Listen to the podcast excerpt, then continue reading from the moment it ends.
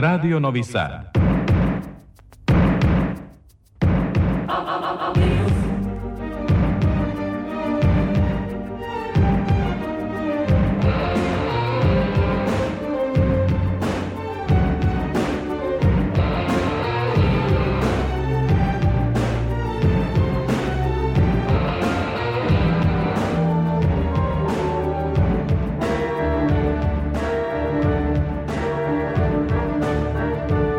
Spektar.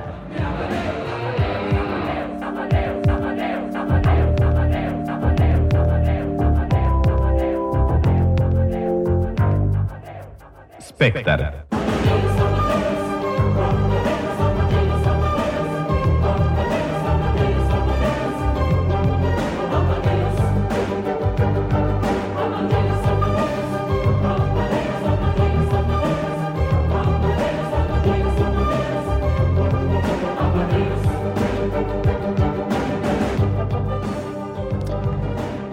Dvadeset dva časa i 14 minuta, poštovani slušalci, dobroveče. Dobrodošli u Spektar na talasima Radio Novog Sada. Kao i na kraju svakog petka delimo sa vama najvažnije vesti iz kulture, naravno začinjene muzikom. Za tonskim pultom je Zoltan Feher, a ja sam Isidora Bobić. Evo što je na kulturno-umetničkoj sceni u proteklim danima privuklo našu pažnju.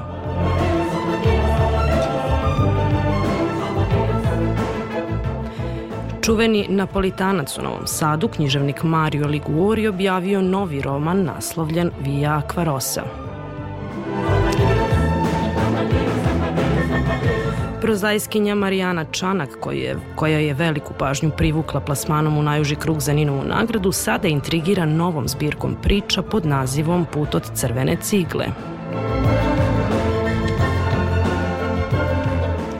Jelena Anđelovska objavila novu knjigu pesama Kuća se nije mrdnula. U kreativnom distriktu u Novom Sadu predstavljen rad članova udruženja likovnih umetnika Vojvodine. Narodna, biblio, Narodna biblioteka u Bečeju obeležila 125. rođendan. U Čačku, ovogodišnjoj nacionalnoj prestonici kulture, otvoren etnološki muzej. O svemu tome slušamo detaljnije nakon muzike.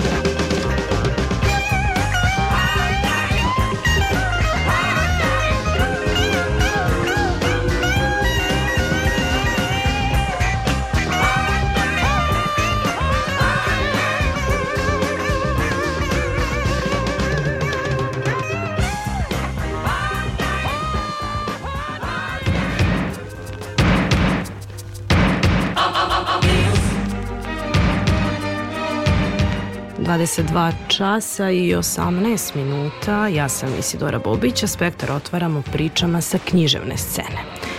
Više od decenije piše na srpskom jeziku, iako će reći da je definisan kao italijan u srpskoj književnosti. Strahuje da je zavičajna proza okov i okvir njegovog teksta. Ume da kaže i da je njegova umetnost talac njegove ličnosti, mada je stekao pouzdane čitaoce koji redovno prate svako njegovo novo delo. I najnoviji roman, Via Aquarosa, roman o jednoj ulici, iako objavljen pre dva meseca, doživeo je drugo izdanje. Njegov autor je Mario Liguori, napolitanac u Novom Sadu, profesor italijanskog jezika na Filozofskom fakultetu i na Akademiji umetnosti. Sa njim je razgovarala naša Tatjana Novčić-Matijević. Je li Via Aquarossa vaša ulica? Via Aquarossa je moja imaginarna ulica koja ima mnogo osobina, e, one moje prave ulice gde sam ja odrastao.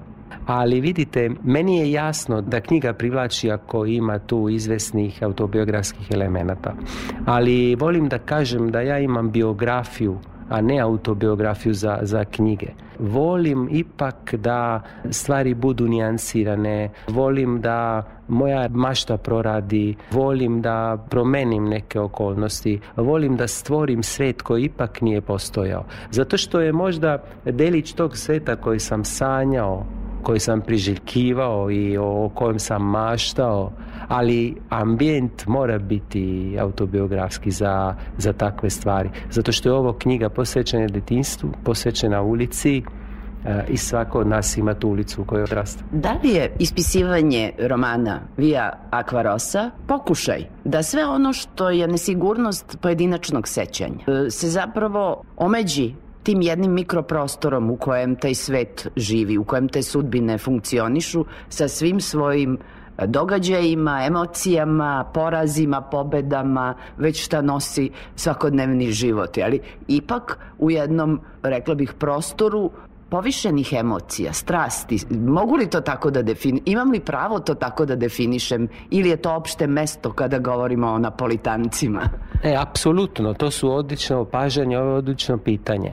Vi imate pravo. Za mene je tragična okolnost to što e, je moje, detin, moje detinstvo nestalo, zato što sam ja odrastao čovek, i što svet u kom sam odrastao nije više isti onaj koji sam upoznao. I onda tempus fugit, jer tako, vreme tako prolazi, beži i ova knjiga je i pokušaj da se sve to zaustavi, da se sve to negde stavi, da bude na raspolaganju, da bude neverovatan izvor događaja, sećanja, onoga što se dogodilo. To je neki ako hoćemo da kažem, nemogući pokušaj, zato što vi ne možete da zaustavite život, ali vi možete da stvorite neku, nek, neko delo u kojem će neki likovi i neke situacije podsjećati na ono što se zaista dogodilo ili na ono što se moglo dogoditi. Jer je to knjiga u stvari o gubitku, kao što vidite knjiga o gubitku. Ja sam izgubio svoju ulicu zato što moja ulica više nije ta ista koja je bila kad sam bio mali. Umeđu vremenu sam se udaljio, stvari su se promenile. Ova moja knjiga neće oduzeti ni trunku lepote i dobrote onome što je danas tamo. Ali ja smatram da je svako mesto doživelo svoj zenit, svoj trenutak, vrhunac.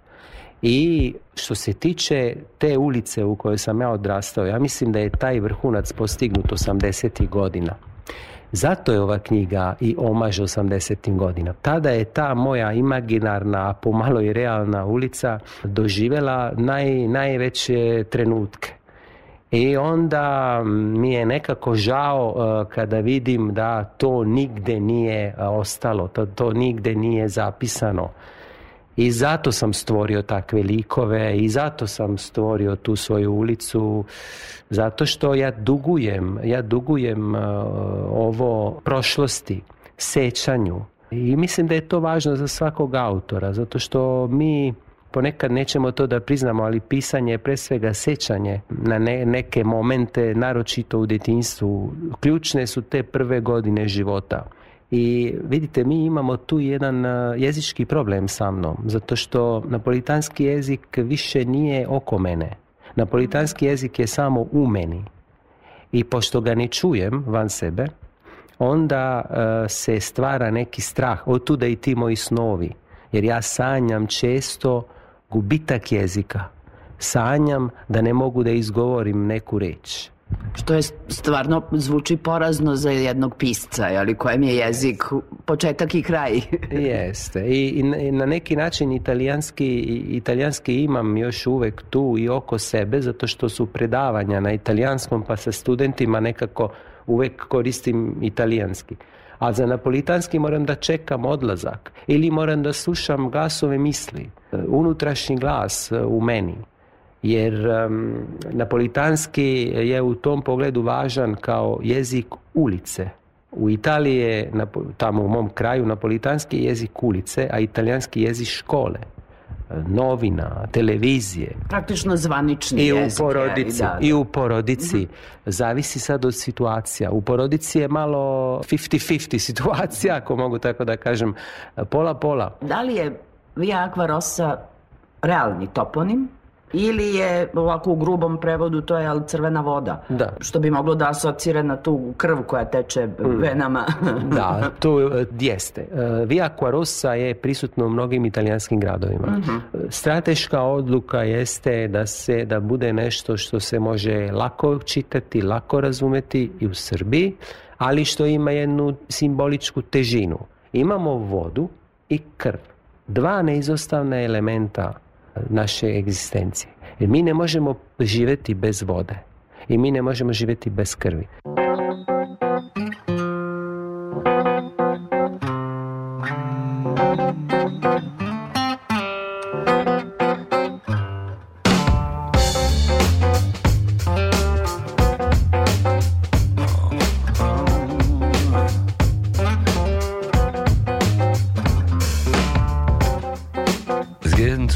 Now, a little too brash now. Got to slow down, baby, one thing at a time. Make a little fiction while we get the slick on. Breathing nice and heavy, Are you drawing me out. Slow, hot, and sweaty. Turn it on. Slow, hot, and sweaty. Oh, baby, let go. Slow, hot, and sweaty. Slip and slide. Slow, hot, and sweaty. Can you feel it deep inside? Your skin is shining. Can you feel me pining for that little something, something you always do? You're sweet as a mango and steamy like the Congo. Oh, woman, I can't hold on much longer. Hold on much longer. Slow, hot, and sweaty. Turn it on. Slow, hot, and sweaty. Oh, baby, let go. Slow, hot, and sweaty. Slip it and slide. Slow, hot, and sweaty. Can you feel it deep inside?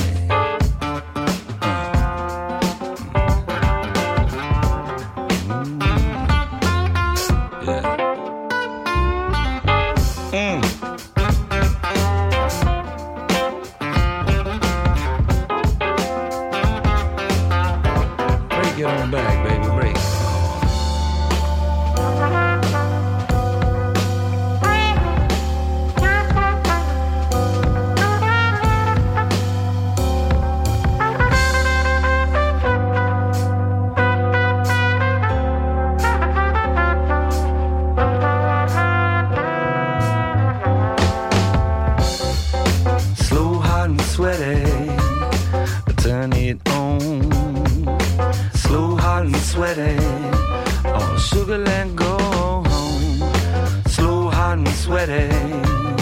Slip it and slide.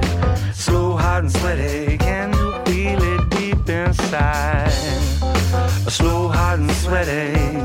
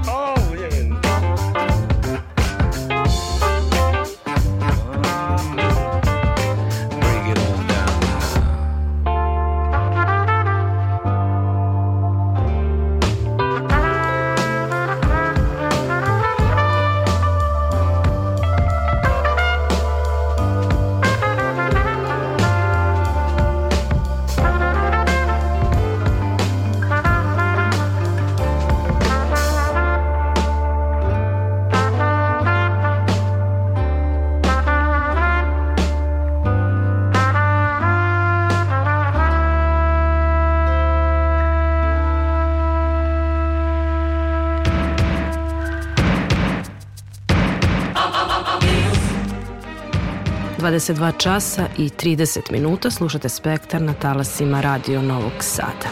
E, stiže još jedna vest sa književne scene. Marijana Čanak, čiji se roman Klara Klarisa našao u najžem izboru za Ninovu nagradu, objavila je u izdanju Bulevar Buksa novu zbirku priča Put od crvene cigle, kojom je potvrdila da je njen glas u savremenoj literaturi jedan od najsmelijih i najupečatljivijih. Iako su njene teme uvek obsesivno vezane za ženski identitet.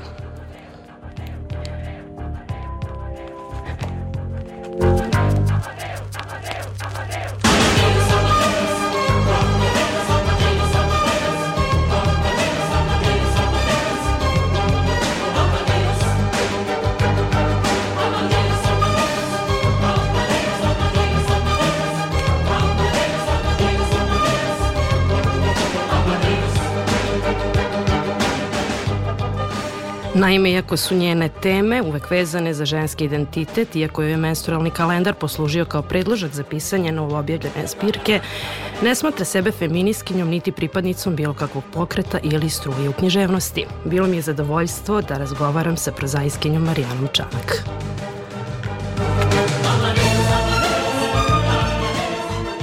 Rekla bih da se baviš temeljno i ubedljivo fenomenom ženskog principa, e, pretresajući sve one stvari u kojima se on krije, demistifikujući odnos te njegove prirode i pojavnosti manifestacije s jedne strane i pokušaja da ga shvatimo racionalno i kulturološki sa druge strane, a time preispitujući e, odnos njegovih snaga i slabosti. U zbirci pramatere, ako je recimo taj princip oličen, naravno ne samo u tome, ali u tom načinu na koji žene koje nisu imale glasa kroz istoriju ispisuju istoriju na svoj način, istoriju i svojih i ne samo svojih sudbina. Onda recimo u ovoj zbirci taj princip oličen u fenomenu e, mesečnog ciklusa. Na, namjerno se služim tom e, muškom sintagmom da bih naglasila tu vezu sa planetom, sa mesecom. Knjiga počinje motom da se protiv krvi treba boriti kao protiv neprijatelja, odnosno počinje razobličavanjem tog kulturološkog poimanja, odnosno baš tog tabuiziranja. Kako dalje pristupaš tom fenomenu i šta on sve znači za tvoje junakinje? Moglo bi se reći da menstruacija jeste neka vezivna nit koja protiče kroz sve ove pripovetke. To je bila moja obsesivna tema koju dugo nisam ni bila svesna, nego sam prosto primetila da se potkrada kod, kroz razne moje tekstove. I kada sam to o, primetila, počela sam nekako svesnije da se bavim istraživanjem menstruacije i svih njenih, pa i filozofskih i magijskih i svakodnevnih značenja. Menstruacija je zapravo vidljivi izraz ženskog principa, ženske snage koja postoji iza svega bukvalno iza svega ovaj, ova planeta jeste odraz ženskog principa. Svaka žena unutar sebe ima matericu, a materica jeste zemlja u malom, tako da mi kao žene jesmo neminovno povezane sa sa snagom zemlje, sa njenom otpornošću, sa tim principom prihvatanja, sa mogućnošću da damo, oduzmemo život, to sve postoji unutar svake žene. Jedino je pitanje koliko smo toga svesne i da li imamo mudrosti da tom snagom upravljamo ili nas ona nekako uzme pod svoje pahara kroz nas. Ni ne možemo potpuno racionalno shvatiti ženski princip. Ne možemo ga ukrotiti razumom, tim hladnim intelektom. To je nešto što je mnogo dublje, što je zapravo i neuhvatljivo, ima mnogo mistike, magije unutar sebe. Razum to ne može da stvari u redu je što je tako, ali svakako to možemo doživeti. Ne samo mi kao žene koje živimo u ženskim telima, nego treba imati na umu da smo svi prosto rođeni iz sadejstva muškog i ženskog i da unutar sebe imamo i muški i ženski aspekt i da ga možemo doživeti i jedan i drugi kroz inteligenciju tela pod jedan. E, navela si citat koji otvara zbirku. Taj citat zapravo otvara prvi e, ciklus zbirke. Zbirka je podeljena u, u četiri ciklusa. Ciklusa, da naglasimo, jel? E, namerno je tako da menstrualni ciklus ima četiri faze, zbirka ima četiri ciklusa, taj koncept mi je bio potpuno jasan, dakle možemo reći da je menstrualni kalendar e, u neku ruku predložak za pisanje ove zbirke. U prvom ciklusu tema je degradacija ženske snage, ženske moći, tabuiziranje menstruacije, pa čak i njena demonizacija. To nam otvara mnoga pitanja kako je zapravo moguće da nešto što je toliki izraz snage e, postane izraz slabosti. I kako je moguće da smo kao žene poverovale u, u takvu jednu podvalu, u neku vanjsku istinu, umesto da zadržimo poverenje prema sobstvenom telu i onome što se u njemu dešava. Ali naravno kad dođe do takve negacije snage, to ne znači da je ta snaga nestala, da je potpuno uništena i potlačen. Potlačena jeste, pritajena, rekla bih, sabijena, negde skrajnuta, ali ona i dalje postoji i pulsira i neminovno je da će se aktivirati. Ali će njeno dejstvo vrlo verovatno biti razorno u tom slučaju i to je ono što je tema drugog ciklusa, dakle zloupotreba te moći iz potrebe za osvetom zbog njene negacije. E onda dolazi treći ciklus koji opet... Odnosno ono što u tradicionalnoj kulturi poznajemo kao magijsku upotrebu menstrualne krvi. Tako je, tako je, tako je, kao manipulativno dejstvo krvi, zloupotreba te esencije u e, destruktivne svrhe. E, nakon toga, e, logično je da sledi taj bumerang osvete. To je tema trećeg ciklusa i onda četvrti ciklus konačno ima taj neki, da kažem, katarzični potencijal gde dolazi do ujedinjavanja te velike moći, snage menstrualne i mudrosti. Dakle, da dolazi do tog jedinstva gde konačno možemo nekako svesno kroz mudrost upotrebiti tu snagu na konstruktivan način.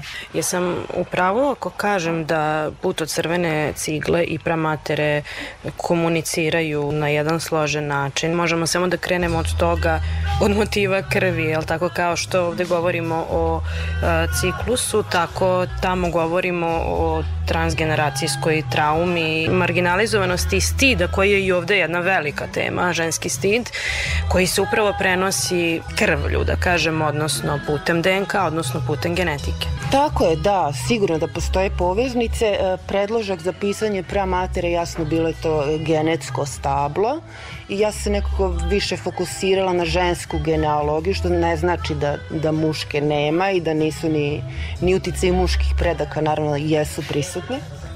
Ali nekom je bilo važno da dam prostor ženskim glasovima koji su generacijski naravno utišavani. Ne treba biti genije pa primetiti koliko smo kroz istoriju nekako stavljeni uvek po strani i, i tretirane kao da prosto pa ni nemamo zdrav razum, nekada čak ni dušu i, i da je ta naša snaga toliko razvorna da uvek traži da bude ukroćena, inače je pogubna i po civilizaciju opstanak i ovo ustrojstvo sveta kako poznamo. To mislim da je već opšte mesto i da ne moramo se mnogo ovaj, time baviti. Tako da ovaj, mi je bilo važno da u pramaterama bude nekako jasan taj autentični ženski glas i da koliko god izvan on bio utišavan, zanemarivan i negiran, opet ta snaga ne može biti uništena mi živimo nasleđe tih utišanih pretkinja i one će naći, naći način da progovore kroz nas i to je bila tema pramatera zapravo koliko ti nekadašnji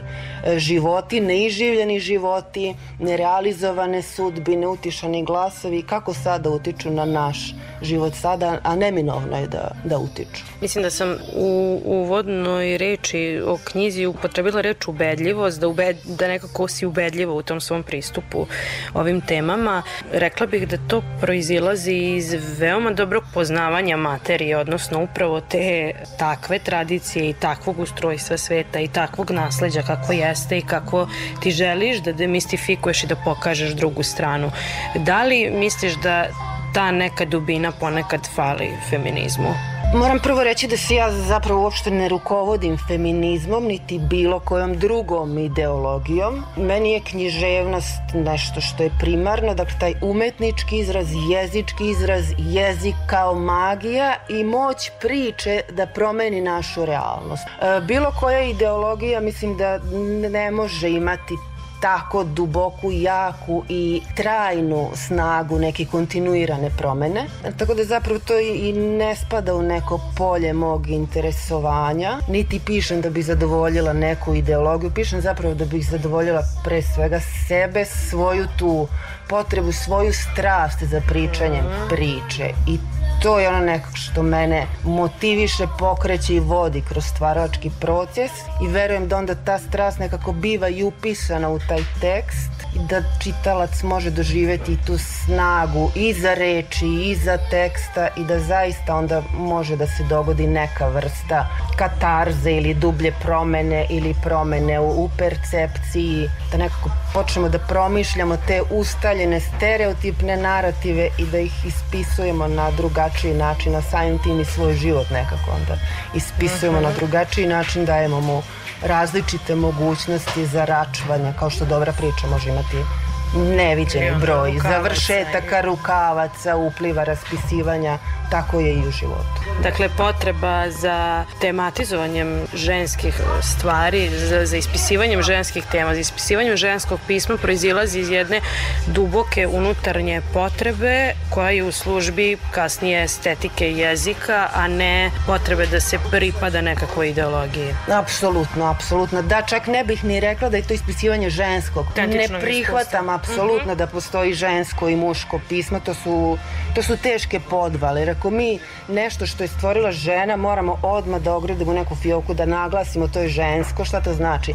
Pa znači da žensko iskustvo ne vrednujemo kao opšte ljudsko. I za mene je književnost zaista ono jedna i nedeljiva i opet ću podcrtati to da mi unutar sebe imamo mnoštvo identiteta, da živimo i muški i ženski princip i neviđen broj slojeva koji tek treba da otkrijemo. Pišem za čitaoce za ljude, ne, ne bih rekla da pišem sad za žene, niti da žene mogu to bolje razumeti, bolje doživeti. Ne, Ali da li, da li stičeš utisak da ih više, da više žensku publiku interesuju te teme od muške? Pa ne stičem zapravo taj utisak jer život se ipak odvija u toj interakciji muškog i ženskog i to je ta dinamika koja doprinosi nekom životnom toku. Da, muškarci žele da spoznaju ženu. To je za njih i misterija i imaju potrebe da, da to razumeju, da dožive i unutar sebe i ne znam, kroz živote žena koje su njima važne ili će im biti važne. I imam iskustva sa čitaocima muškim. Doživeli su tu knjigu, doživeli su te junakinje. Tu je moguće da se dogode razna poistovećivanja. Ne bih ja pravila te, da kažem, segregacije, razdvajanja ili, ili bilo šta.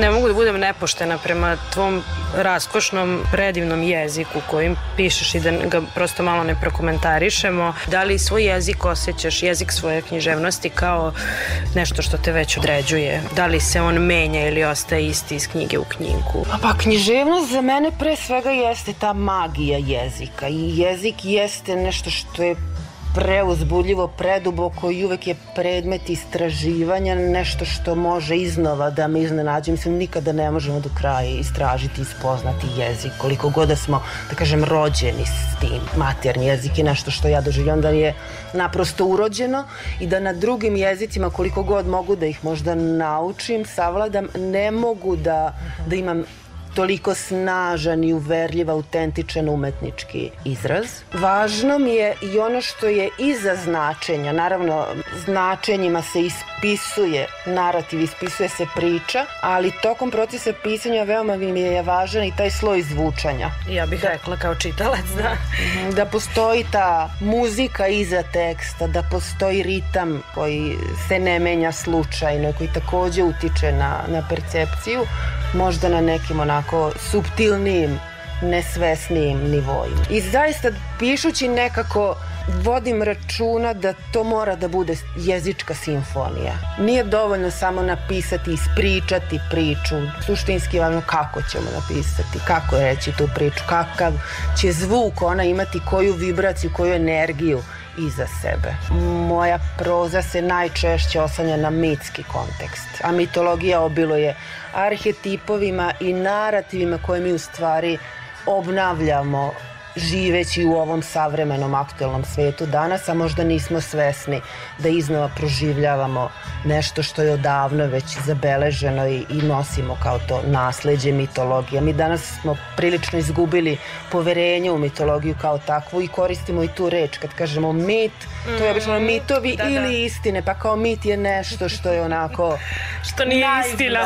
Da, nešto što je naivno, nešto što je tako zabluda, iluzorno je kao mit je nešto bez veze. Suština mudrosti i upravljanja sobstvenim životom počinje u trenutku kad mi prepoznamo mit koji sada živimo, kad prepoznamo arhetip koji sada realizujemo. U tome i jeste moć književnosti. Kada prepoznam to, onda imam i uticaj da, da menjam te strukture svog života, strukture svoje priče. Zbog toga mi je i važno da, da se moja književnost nekako ukorenjuje u tim zaboravljenim mitologijama i, i u snazi te vrste priče. Želim ti svu sreću u tvom daljem spisateljskom radu i svim poduhvatima. Hvala ti mnogo što si govorila za Radio Novi Sad. Hvala tebi.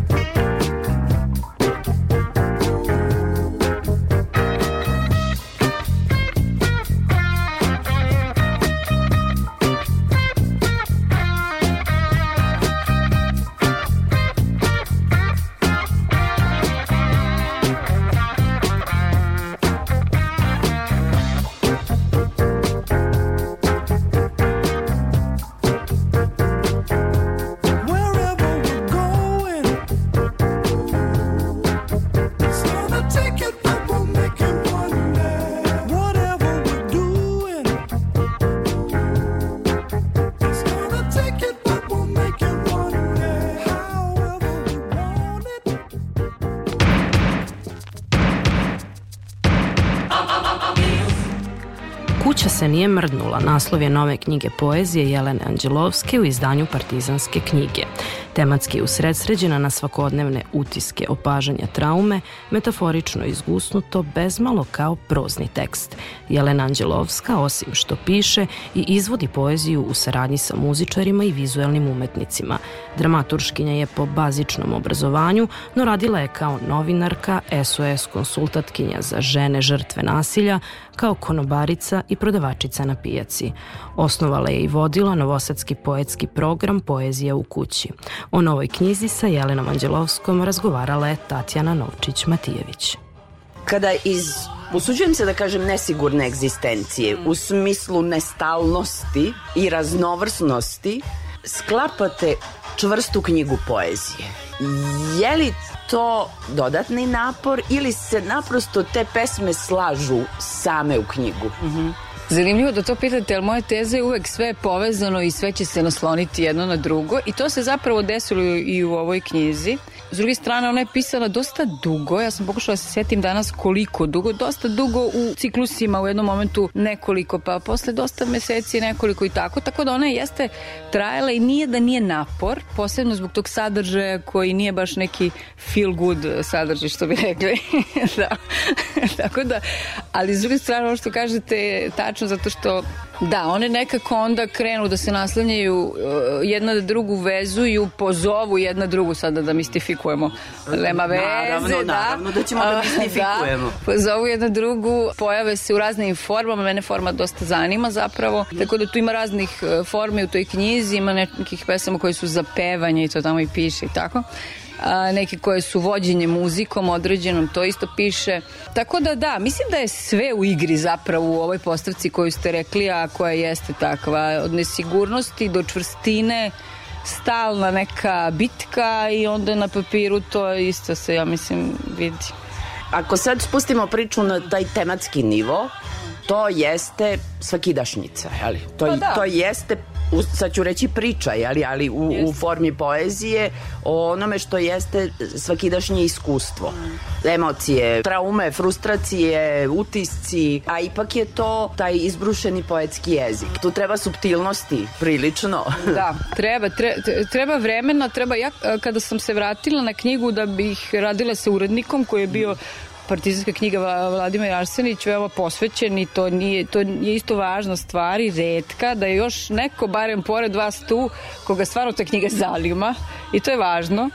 Tako da kad sam se vratila da bismo, da bismo radili na knjizi ja sam je posle nekog vremena pročitala i pročitala detaljno jer sam morala nekako iz poštovanja prema njemu koji se knjigom bavi tek sam tad videla koliko je gusta koliko je nekako kao proza neka iznenadilo me koliko treba vremena to nije knjiga koja se čita brzo. Ja bih rekla da se ona čita kao, kao nekakva proza. Tako da tu postoji neke nabijenosti reči, mislim da fo, to igranje formom kao pokušava malo da je razli, razigla i uradite neke dramaturški rečeno e, reliefove ili kao neke olakšanja neka, ali da, ona jeste što se reči tiče i, i uopšte postavke strukture, mislim da je, da je, da je dosta gusta, dosta prozna, da zahteva vreme i mislim da je to i okej zapravo z- za poeziju, da se čita polako, da se čita duže, ne mora odmah da se uzme i da se, da se pročita i bolje da, se- da je načitate odjednom, ne preporučujem, ali, ali ovaj... Ali, pa ali da, se ne svakako treba vraćati. Kao i svaki zgusnuti tekst, pretpostavljam da tek u nekom narednom čitanju se otkrivaju Da, neke moguće. nove stvari. Moguće, da, da, to će sad svako verovatno za sebe vidjeti nešto, ali e, da, to, je, to sam ja isto pretpostavila, sad ja ne znam, ja ne, ne znam, ali, ali da, moguće. Nadam se zapravo da je tako i da će ljudi nalaziti neke svoje, neke svoje svetove unutra. To je ideja. Usuđujem se da kažem, pripadate toj generaciji koja, nažalost, nije imala sreće da bez velikih teškoća prolazi u životu. Sve što je moglo da vas sputava, vas je sputavalo. Iz tog takvog iskustva, naravno da ne može umetnost biti ta ajde da malo uživam. Ne, nego mora, jel Da. funkcioniše kao ubodi, kao skalpeli Mislite ka meni ili, ili ka, Ka- ka s polja? I ka vama Da, da. I, i ka spolja. Ja, zapravo, ova je knjiga iz tri ciklusa, ko, onaj koji je prvi, i svaki se tiče nekih prostora, onaj koji je prvi, on je pokrenuo celu stvar, jer je, e, odjednom bi se vratilo neko sećanje e, izbeglice koji su došli u moj grad, u stan moje babe i dede, i odjedan put neki životi, gomile neke rodbine su se našli u tom stanu i to je bilo raznih situacija. To je bilo davno, meni se nekako vratilo, da sam pomislila ajde da vidim koji su to još prostori. Tako da u tom smislu radi se o nekom aktiviranom sećanju i nekoj kombinaciji onoga što sam ja zapamtila da su bili ti neki ljudi rodbine koji ja sam malo znala i sad više ni ne znam ni gde su. I onoga kako sam ja, šta sam ja njima dodavala, šta sam ja svoje umetala i ko znači kako već sećanje funkcioniše. Tako da u tom smislu više, više je bilo kao, ok, ovo se pojavilo, sad ću, sad ću da obradim šta se sve dešava sa tim prostorima i kretanjima i ka meni to, ne znam da li katarzično, više je nešto što se već dogodilo kao, pa, kao ve, ve- već se dogodilo i se nije dogodilo, pa ima nekih mesta, zapravo te pesme su takođe iz likova, iz različitih ljudi. Tako da ovaj, to su neki razni susreti. E sad, ka spolja, kako će, kako će e, delovati ja, da, ja to ne mogu da znam, verovatno za svakoga različito, ne znam, ono što je mene brinulo je kao da li ima nekog malo laganijeg, laganijeg dela, onako intimno me ovaj, malo iskreno uplašilo kao da ne bude sad evo neki totalni mrak. To nikako nije bila ideja. Ali, ali je bilo mnogo jako i, i potrebno da, izađe iz socijal- vas. To su mada. socijalne pesme, prosto su i moje, ovo je moja treća knjiga, uvek su, uvek su takve i bile. A, postoji te neki drugi ciklus u kom se pojavlja lik jednog vajara, koji inače postoji, od on- onoga što ja njemu, znam, o njemu znam biografski, ja sam pravila pesme, dakle neke njegove iskaze. Tako da, recimo, to je možda malo la, u drugom tom ciklusu neki jedan lakši deo, neko promišljanje života, on možda ima više nekih kao zaključaka ili šta ja znam, nekih misli za, e, da nam da nekih možda i pouka, da ne kažem, ali da, ne znam, ne znam kako može deluje na ljude, verovatno u zavisnosti od toga u kom momentu, kao i sve, čitate šta tog trenutka vam se dešava, šta vam, šta vam šta pokreće, ne znam. Ali u svakom slučaju, hvala vam na ovoj knjizi i čekamo sledeću. Kak, kakav je ritam objavljivanja? Pa da, ja sam e, knjigu prvo objavila 2013. Ona je objavljena u Nemačkoj, ovde nije zapravo nikad ni prevedena. Onda 2016. kod kontrast izdavaštva ona je još uvek u prodaji, to znam i sad ova. Dosta, dosta, pa dosta dugo ova je zapravo bila. Tako da, ali stalno ja imam, dosta, imam još drugih, drugih e, radova, tako da u nekom momentu ću zatvoriti nešto od toga, pa onda, da, čudna ne, dinamika nije baš neka brza s moje strane, ali to je, da. Ali to je tako. Da, to je tako, da.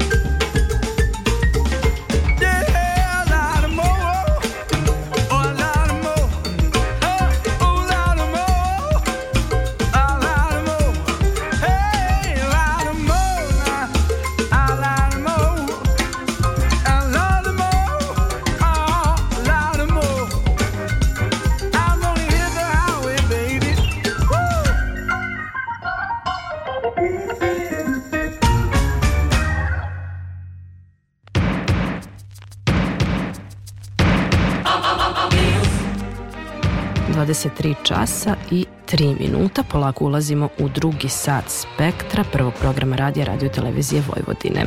Sledi još jedna, da kažemo, novosadska priča. Naime, u kreativnom distriktu u Novom Sadu na 68. godišnjoj izložbi predstavljen je rad članova Udruženja likovnih umetnika Vojvodine. Na izložbi učestvuje 65 umetnika svih generacija, likovnih medija, tehnika i estetika.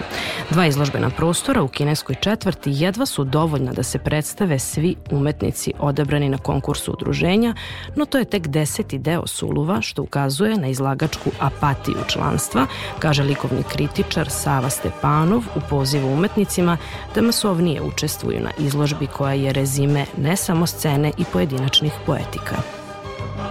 ne samo rezime vaših radova i vaše umetnosti, nego rezime onoga šta smo proživeli u prošloj godini i vidimo da se taj svetski cirkus nastavlja. Dakle, i dalje su problemi jednaki kao što su ranije, negde su drastičniji, negde su blaži, ali uglavnom ja sam zapazio da je zvanično sa sednice Ujedinjenih nacija predsjednik Ujedinjenih nacija izašao na za govornicu i rekao ovaj svet je poludeo. Dakle, došli smo stvarno do toga da postoji neka vrsta autodestrukcije gde nekako svi radimo sami protiv sebe. Naravno, sve je to vezano sa tim besnim kapitalizmom koji iskorištava ljude, koji upotrebljava čoveka. Sve je to vezano sa politikom koja nije dostojna onog posla koji radi. Očigledno je umjesto da se neke stvari zatvaraju, kao što je recimo ekološki problemi, otvaraju se novi ratovi. Dakle, sve je nekako naopako. I zašto ja sad ovo govorim? Zato što u celom tom cirkusu, u celom tom životu neprimjeren normalnom ljudima čoveku, umetnost ima zadatak da bude neka vrsta protiv teže. Da bude, ako ništa drugo, ja ću reći da bude sigurna kuća za, za čovekovo razmišljanje, za čovekov duh, za njegov, za njegov stav da pronađe odnos prema svetu u kojem živi. A ne treba nikog da plaši u umetnosti da je to neki pretežan zadatak. Jednostavno treba biti posvećen i raditi ono što svaki umetnik radi u ateljevu i to je već dovoljno. Važniji je jedan drugi odnos prema recimo ovakvim izložbama. Nekako mi se čini da ima puno članova koji ne učestvuju. Ne vidim razlog zašto to ne učestvuje. I svako odustajanje u tom smislu mi se čini da je odustajanje od onoga što je osnovna namera i svrha umetnosti. Ljudima je potrebna umetnost. Mi smo imali ovde nekoliko izložbi i videli da ljudi vrlo rado dolaze na izložbe. Ljudi treba da osjete tu energiju koju umetnost posjeduje Nije to ono doba uvođenja abstrakcije, recimo, pa je to bilo jako komplikovano nekima da odjednom pređu sa nekih objašnjivih situacija figurativnih, pa se onda su odustali. Nije to ni vreme konceptuale koje su mnogi rekli, pa mi to ne razumemo, pa nisu to gledali. Danas je sve to u optice. Mi danas gledamo ta komunikacija takva da kogod je ne, se nečim bavi, može da dođe na izložbu i da osjeti sve te impulse ovih radova. Nemojte da to uskraćujemo ljudima, a nemojte ni to da uskraćujemo sami sebi. Jer ako radimo, bit ćemo bolji. Ako se bavimo umetnošću i mi ćemo biti bolji, bit će bolji, i oni koji se hrane tom umetnošću.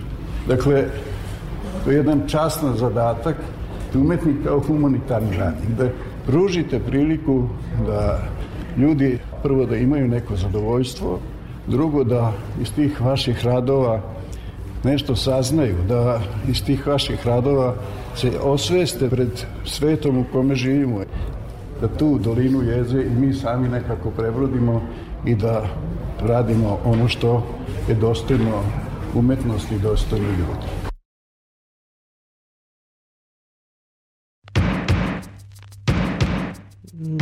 Da, godišnja izložba je posle pet godina pauze već treći put ponovo u redovnom programu Udruženja likovnih umetnika Vojvodine. Ona je deo tradicije, a tradiciju treba preispitivati, kaže predsednik Suluva Goran Despotovski u razgovoru sa našom Aleksandrom Rajić. Rekli bih da je ova izložba ipak neki događaj u likovnoj umetnosti ovde u Novom Sadu, mada je vojvođanska, reč je o vojvođanskoj sceni, nešto što se čeka. Da, pa istina, mislim, to je malo i odraz te eho tradicije neke koje je ovde pokrenuto. Ovo je znači 68. godišnja izložba, tako da je puno puta u istoriji i ovaj, u okviru udruženja realizovana. Samim tim možda starije generacije znaju kakve su bile godišnje izložbe pre 20, 30, 40 godina. Ja sam malo nešto spoznao putem arhive udruženja. Bile su i te ne- neizmenične izložbe kada sa, zajedno sa Ulusom se održavaju, tako da je bila to neka logična i razmena iskustva e, tadašnjih članova udruženja. Ovaj tip izložbe mi koji smo sada vratili u poslednje tri godine je kao i one što je od da kažemo 90-ih postojao negde tip revijalne izložbe. Ove godine se pojavilo, prijavilo mm, 85 članova udruženja, odabrano je 65 članova. Mi smo uvek, mislim, imali problem i zašto je bila ta stagnacija u nekim periodima zapravo zbog prostora, nemamo svoj prostor. Tako da se evo sad poslednje dve godine desilo ovaj, da, da, da se otvorila mogućnost preko atelja 61. Njima smo zahvalni zbog toga i to je neki sporazum i saradnja između nas i ateljeja gde se planira i dalja realizacija ovih eh, programa godišnjih izložbi i konkretno godišnje izložbe. U planu je i da kažemo neka možda organizacija po novom tipu ovaj, ove izložbe, ali to ćemo videti već da li od sledeće godine, gde bi se možda kustos neki bavio tom pričom tako. Zašto je ovo izložba, evo, između ostalog i upitna zapravo način na koji se organizuje? Koliko je ona presek onoga što se dešava na likovnoj sceni u Vojvodini, odnosno koliko je to taj umetnost, to polje na koje možemo dobiti neke odgovore o tome u kakvom svetu živimo? Pa- E, Naj, najbanalnije, ali najopštije rečeno. Sve te izložbe, kao i oktobarski saloni, kao i godišnje jesenje izložbe su negde m, prestale da funkcionišu ne zbog toga što je sada to neko tako rešio. Jednostavno novo medijska praksa koja se pojavila i standardizacija u odnosu na te izložbe kada su se tražili klasični galerijski formati je izazvala taj disbalans u, u prosto komunikaciji i traženju onih materijala jer umetnici rade sad u mnogo proširenom polju. Mislim, a kroz te tradicionalne izložbe uglavnom se to gledalo na klasična skulptura, klasična slika, klasična crtež i tako dalje. I to je sad teško organizovati, znate, zato zato što je to odmah i drugačiji budžet je potreban za tu vrstu organizacije, ono što sam malo pre rekao, prostor je potreban, jer vi ako imate umetnike kada žele da donesu svoj rad, oni, a, a ne ograničavate ga da je to galerijski ili neki manji format, onda je to potpuno druga priča u organizaciji. Transporti radova, prevozi, uh, sam prostor koji treba da opet utiče na celu tu priču, izbor umetnika, tako da puno faktora tu negde u poslednjih 30 godina u praksi samoj umetničkom je doprinelo da se ti revijalni prikazi malo možda stišaju, ugase negde čak kao oktobarski salon kao što sam rekao, a negde se evo kao kod nas održavaju kao deo tradicije. Ali rekli ste evo da ste pre tri godine ponovo uveli e, ovaj način predstavljanja. Ima li nekog odjeka, odnosno recepcije ovog načina Pa ima, ima odjeka ako mislite sad ovako. Umetnici, članovi našeg udruženja, neki žive, žive za to. I prosto su jako zadovoljni što to postoji, što mogu da se ovaj, eto, vide njihovi radovi. Oni manje aktivni isto tako. Onda s druge strane ima i ovaj, kritičar ovih naših iz sredine koji opet tumače to na svoj način da je poželjno tako nešto da postoji, da se jednostavno na godišnjem nivou sagleda jedan presek tog rada i tako. Mislim, ja nisam baš potpuno tog mišljenja, mogu da kažem, ali ovaj, gledamo ko je to negde, kažemo, optimalan način da udruženje radi dalje. Vidjet ćemo nas, eto.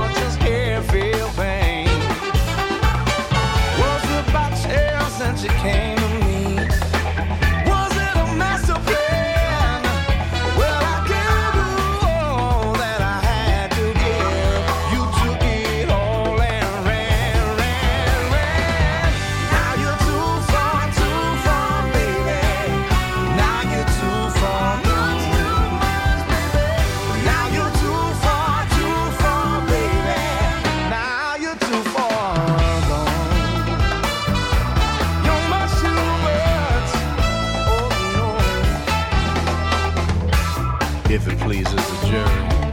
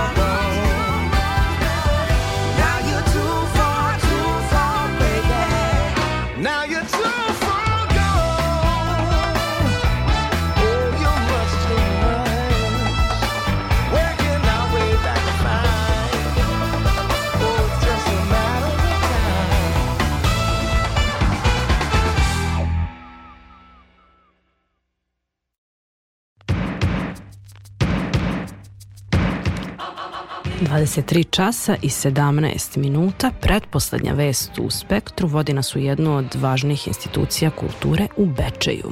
Naime, Narodna biblioteka u Bečeju nedavno je obeležila 125 godina postojanja. O programima koje je realizovala, izazovima u radu i novim planovima sa direktorkom te ustanove Đijantom Lovaš razgovarala je Ivana Maletin Ćori- Ćorilić. Čestitke na velikom jubileju 125 godina biblioteke u Bečeju.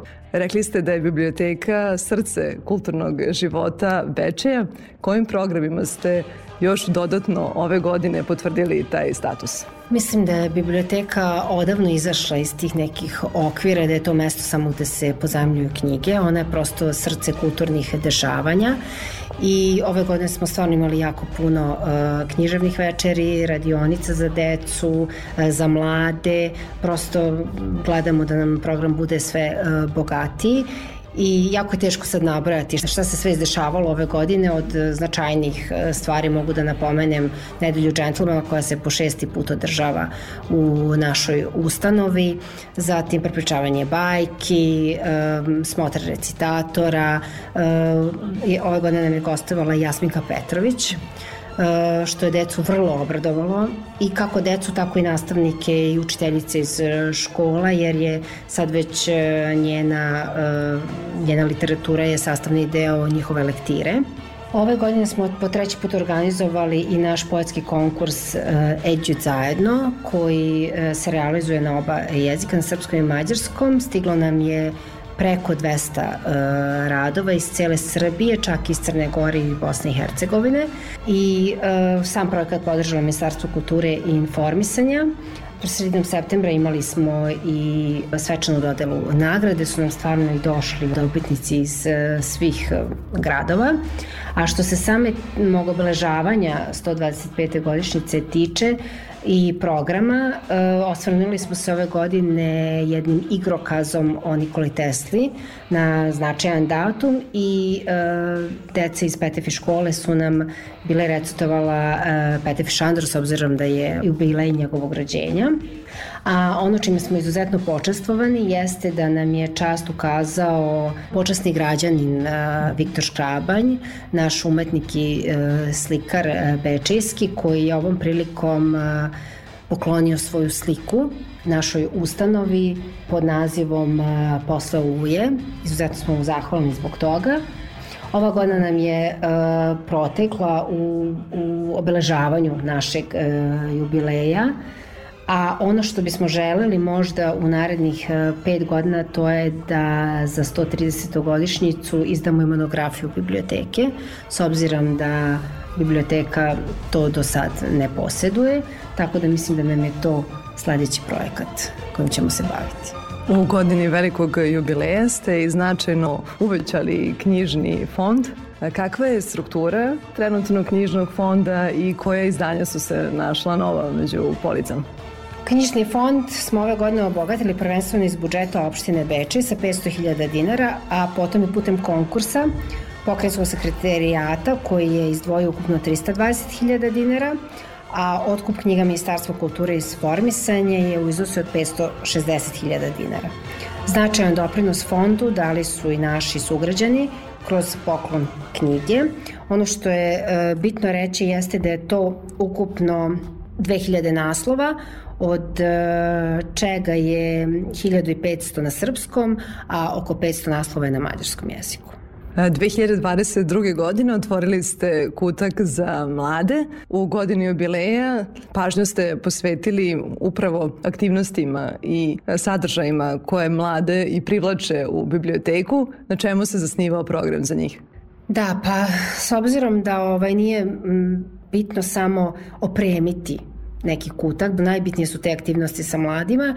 Ove godine smo došli na ideju da organizujemo program pod nazivom Čilajka, koji u stvari e, izvor crpi iz nekadašnje čajanke, tako da se taj program održava svake srede od 17 e, časova u tom našem novo opremljenom kutku koji se zove Book Lounge i uh, trudimo se da ispoštujemo uh, njihove potrebe, njihove interese, da organizujemo radionice kako za decu, tako i za mlade. Mogu reći da smo prvi bili u opštini što se tiče uh, neke psihološke podrške deci posle tragedije koja se desila u Beogradu. Uh, a trudimo se da to ipak bude nekog zabavnog karaktera, tako da dve poslednje srede u, u mesecu su namenjeni kvizovima za srednjoškolce i mogu reći da smo jako ponosni zato što je kviz izuzetno posećen. Imamo čak i po sedam ekipa koje se prijave, tako da je deci to vrlo interesantno. U kakvom stanju e, biblioteka dočekuje ovaj veliki jubilej? E, Kakvi su vam planovi? Kakve su potrebe biblioteke? Potrebe biblioteke su velike, mogu reći, s obzirom da je e, zgrada inače pod zaštitom spomenika, ona iziskuje e, velika finansijska ulaganja koja trenutno nismo u mogućnosti da ispunimo, ali se trudimo stvarno da nekako održavamo samu e, zgradu i same sve naše potrebe onoliko koliko nam finansije dopuštaju. E, Koji su prioriteti? Za šta su vam najpotrebnija sredstva? Pa iskreno najviše su nam potrebne za konkretno to održavanje zgrade, znači od fasade preko stolarije do eto i tog podruma koji nije u funkciji, koji bi nam izuzetno značio što se tiče i e, skladištenja e, knjiga, jer prosto broj knjiga se svake godine povećava, a e, broj polica i prostorno e, počinjemo da budemo nekako mali, ali eto još uvek se trudimo da to funkcioniše kako treba. Hvala na vremenu koje ste izdvojili za slušalce Radio Novog Sada i želimo vam puno uspeha u daljem radu. Hvala vama što ste nas posetili u ovako e, lepoj godini jubileja.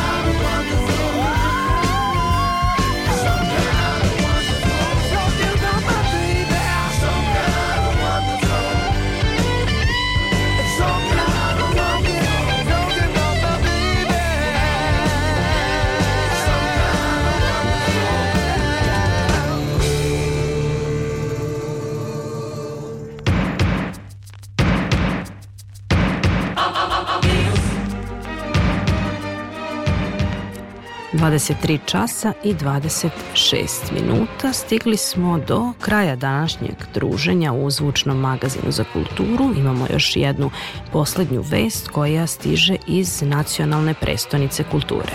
U Čačku je otvoren etnološki muzej. Program je počeo prezentacijom arheoloških istraživanja Grad ispod grada, posvećenog otkrivanju utvrđenja iz rimskog perioda u dvorištu Narodnog muzeja, a nastavljen je predstavljanjem ideje arheološkog par parka Gradina na Jelici. Kroz procesijski vremeplov, zapisi u kamenu, publiku su vodili istorijski i fiktivni like, likovi Tiberius Claudius, gospod Gradine, Justinijan i Vladimir Hadžić. U finišu procesije u obnovljenoj Hadžića kući svečano je otvorena stalna etnološka postavka Gradska kuća.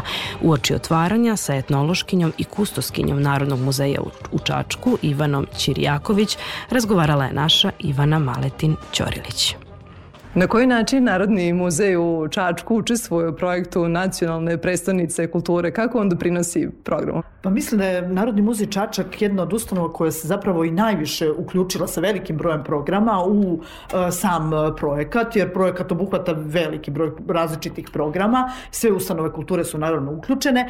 Muzej je uključen tako što sa svojim određenim programima je zapravo već ostvario neke e, rezultate u okviru prestonice, a očekuje nas još veliki infrastrukturni projekti zapravo koji su pri kraju i koji treba da sada vide e, svetlost dana zapravo, a to su dve nove muzejske postavke Depadans zapravo e, Narodnog muzeja Čača koji je muzej inače kompleksnog tipa i sastoji se iz više odeljenja i e, naravno e, arheološka iskopavanja vrlo značajna koje se dešavaju u dvorištu muzeja u toku čitave ove godine i tu će biti predstavljeni rezultati svih ovih istraživanja. Nas očekuje jedan veliki e, zapravo spektakl događaj multimedijalni gde će zapravo biti otvorena e, jedna arheološka izložba koja se tiče gradine na Jelici koja se ispituje već 30 godina. Zatim e, biće prikazani rezultati u samom dvorištu muzeja, rezultati istraživanja arheološka koje su trajali u toku cele godine, imaju izuzetno vredne nalaze i rezultate i tu će biti prikazano zapravo sve ono što je pronađeno. Jedno utvrđenje I iz jedno rimskog utvrđenje iz rimskog perioda, zapravo i tu smo videli da je naš grad još i stariji nego što smo mislili da jeste, tako da e, to će biti ovaj predstavljeno i e, takođe nova etnološka postavka. Imali smo samostalnu muzejsku postavku u, u konaku Jovana Obrenovića koja zapravo nije obuhvatala etnologiju. Sada sa otvaranjem e, Hadžića, to jest Virerove kuće, mi dobijamo zapravo jednu etnološku postavku koja će predstaviti gradski život Čačka od kraja 19. do neke 40. godina 20. veka i to je zapravo ono što je nedostajalo zapravo Narodnom muzeju Čačak, a isto tako u toku su i radovi na Sokolani e, u Čačku gde će biti e, budući muzej košarke. To će se desiti početkom sledeće godine. Tako da i predstavnica u Čačku produžena malo zbog tih infrastrukturnih projekata, a isto tako radi se i parterno uređenje dvorišta muzeja koje će povezati zapravo e, čitav prostor. Imaćemo čitav jedan muzejski kompleks zapravo u samom centru Čačka i to je možda nešto i najvažnije što se dešava u okviru prestonice. Ti e, povremeni projekti su interesantni, ali ova infrastruktura zapravo ostaje i za dalje, a to je povezivanje od galerije Nadežde Petrović kroz dvorište muzeja, preko arheološkog iskopavanja, iskopavanja i predstavljanja njih, Sokolane, pa sve do Hadžića kuće. Tako da e, budući posetioci Čačka će zapravo imati jedan e, čitav prostor, jedan veći u koji će moći da obiđu zajedno sa postavkama različitog tipa. E, tako da mislim da, da je to nešto što je najvažnije što je Narodni muzej ove godine e, zapravo uradio. I Da, kako ste prikupljali građu za tu postavku da približite građanima Čačka, a i turistima život ovog grada? Zapravo predmeti se prikupljaju više od 50 godina, više zapravo od kad i postoji etnološko odeljenje i to su uglavnom predmeti iz starih e, čačanskih porodica i to je zapravo jedan proces koji je trajao godinama, sada smo samo napravili jedan odabir onoga što zaista i imamo i e, tu će biti zapravo predstavljati taj građanski čačak koji do sada nisu imali posetioci muzeja prilike da vide, jer naša postavka je samo predstavljena arheologija, istorija umetnosti, istorija, ali etnološkog dela nema, a uh, Hadžića kuća je zapravo jedan reprezentativan objekat uh, srpske građanske arhitekture iz 1854. godine, najstarija kuća zapravo u gradu. Ona je neko vreme bila uh, zavičeno odeljenje biblioteke. Kada je biblioteka dobila svoju zgradu, mi smo im dobili taj prostor zapravo da ga uredimo. Sagradio je Vladimir Hadžić, on je bio trgovac i opštinski službenik, bio izuzetno bogat i cenjen u ovom delu Srbije i u Čačku i to je bila jedna reprezentativna kuća za to vreme. Zbog toga se i naziva Hadžić, a ova kuća ima još jedno ime, uh, to je Virerova, zapravo zato što uh, su kuću posle toga prodata i nasleđena, zapravo uh, Katarina Geber Virer je kuću kupila, a tu je živela sa svojim suprugom Sigmundom Virerom koji je iz Padove došao u Čačak da zapravo kao zakupac krenove pivare. Tako da sve to ima smisla da zapravo tu predstavimo ono što je najlepše što je Čačak imao. Kuća će biti predstavljena kao kuća s kraja 19. veka e, do 30. i 40. godina 20. veka. Tu će biti predstavljena trpezarija, radna soba, salon, veliki salon, slobe spavaće. Ona je spratna i u prizemnom delu će biti jedna manja galerija i taj prostor trpezarije i radne sobe, a u gornjem delu biće taj divni salon u kome će biti naravno klavir, e, garniture salonske, sve ono što zapravo što su e, bogati građani zapravo Čačka mogli da posjeduju tom nekom periodu, zatim te spavaće sobe koje su okrenute ka dvorištu. Mislim da će to biti jedan lep prostor u kome će se dešavati i drugi, drugi neki događaj, ne samo da posetioci mogu da vide postavku, nego zbog tog manjeg dela galerijskog prostora mi imat ćemo i neke povremene izložbe, događaje, tako da će se time zaista upotpuniti uh, uopšte ponuda muzeja u Čačku.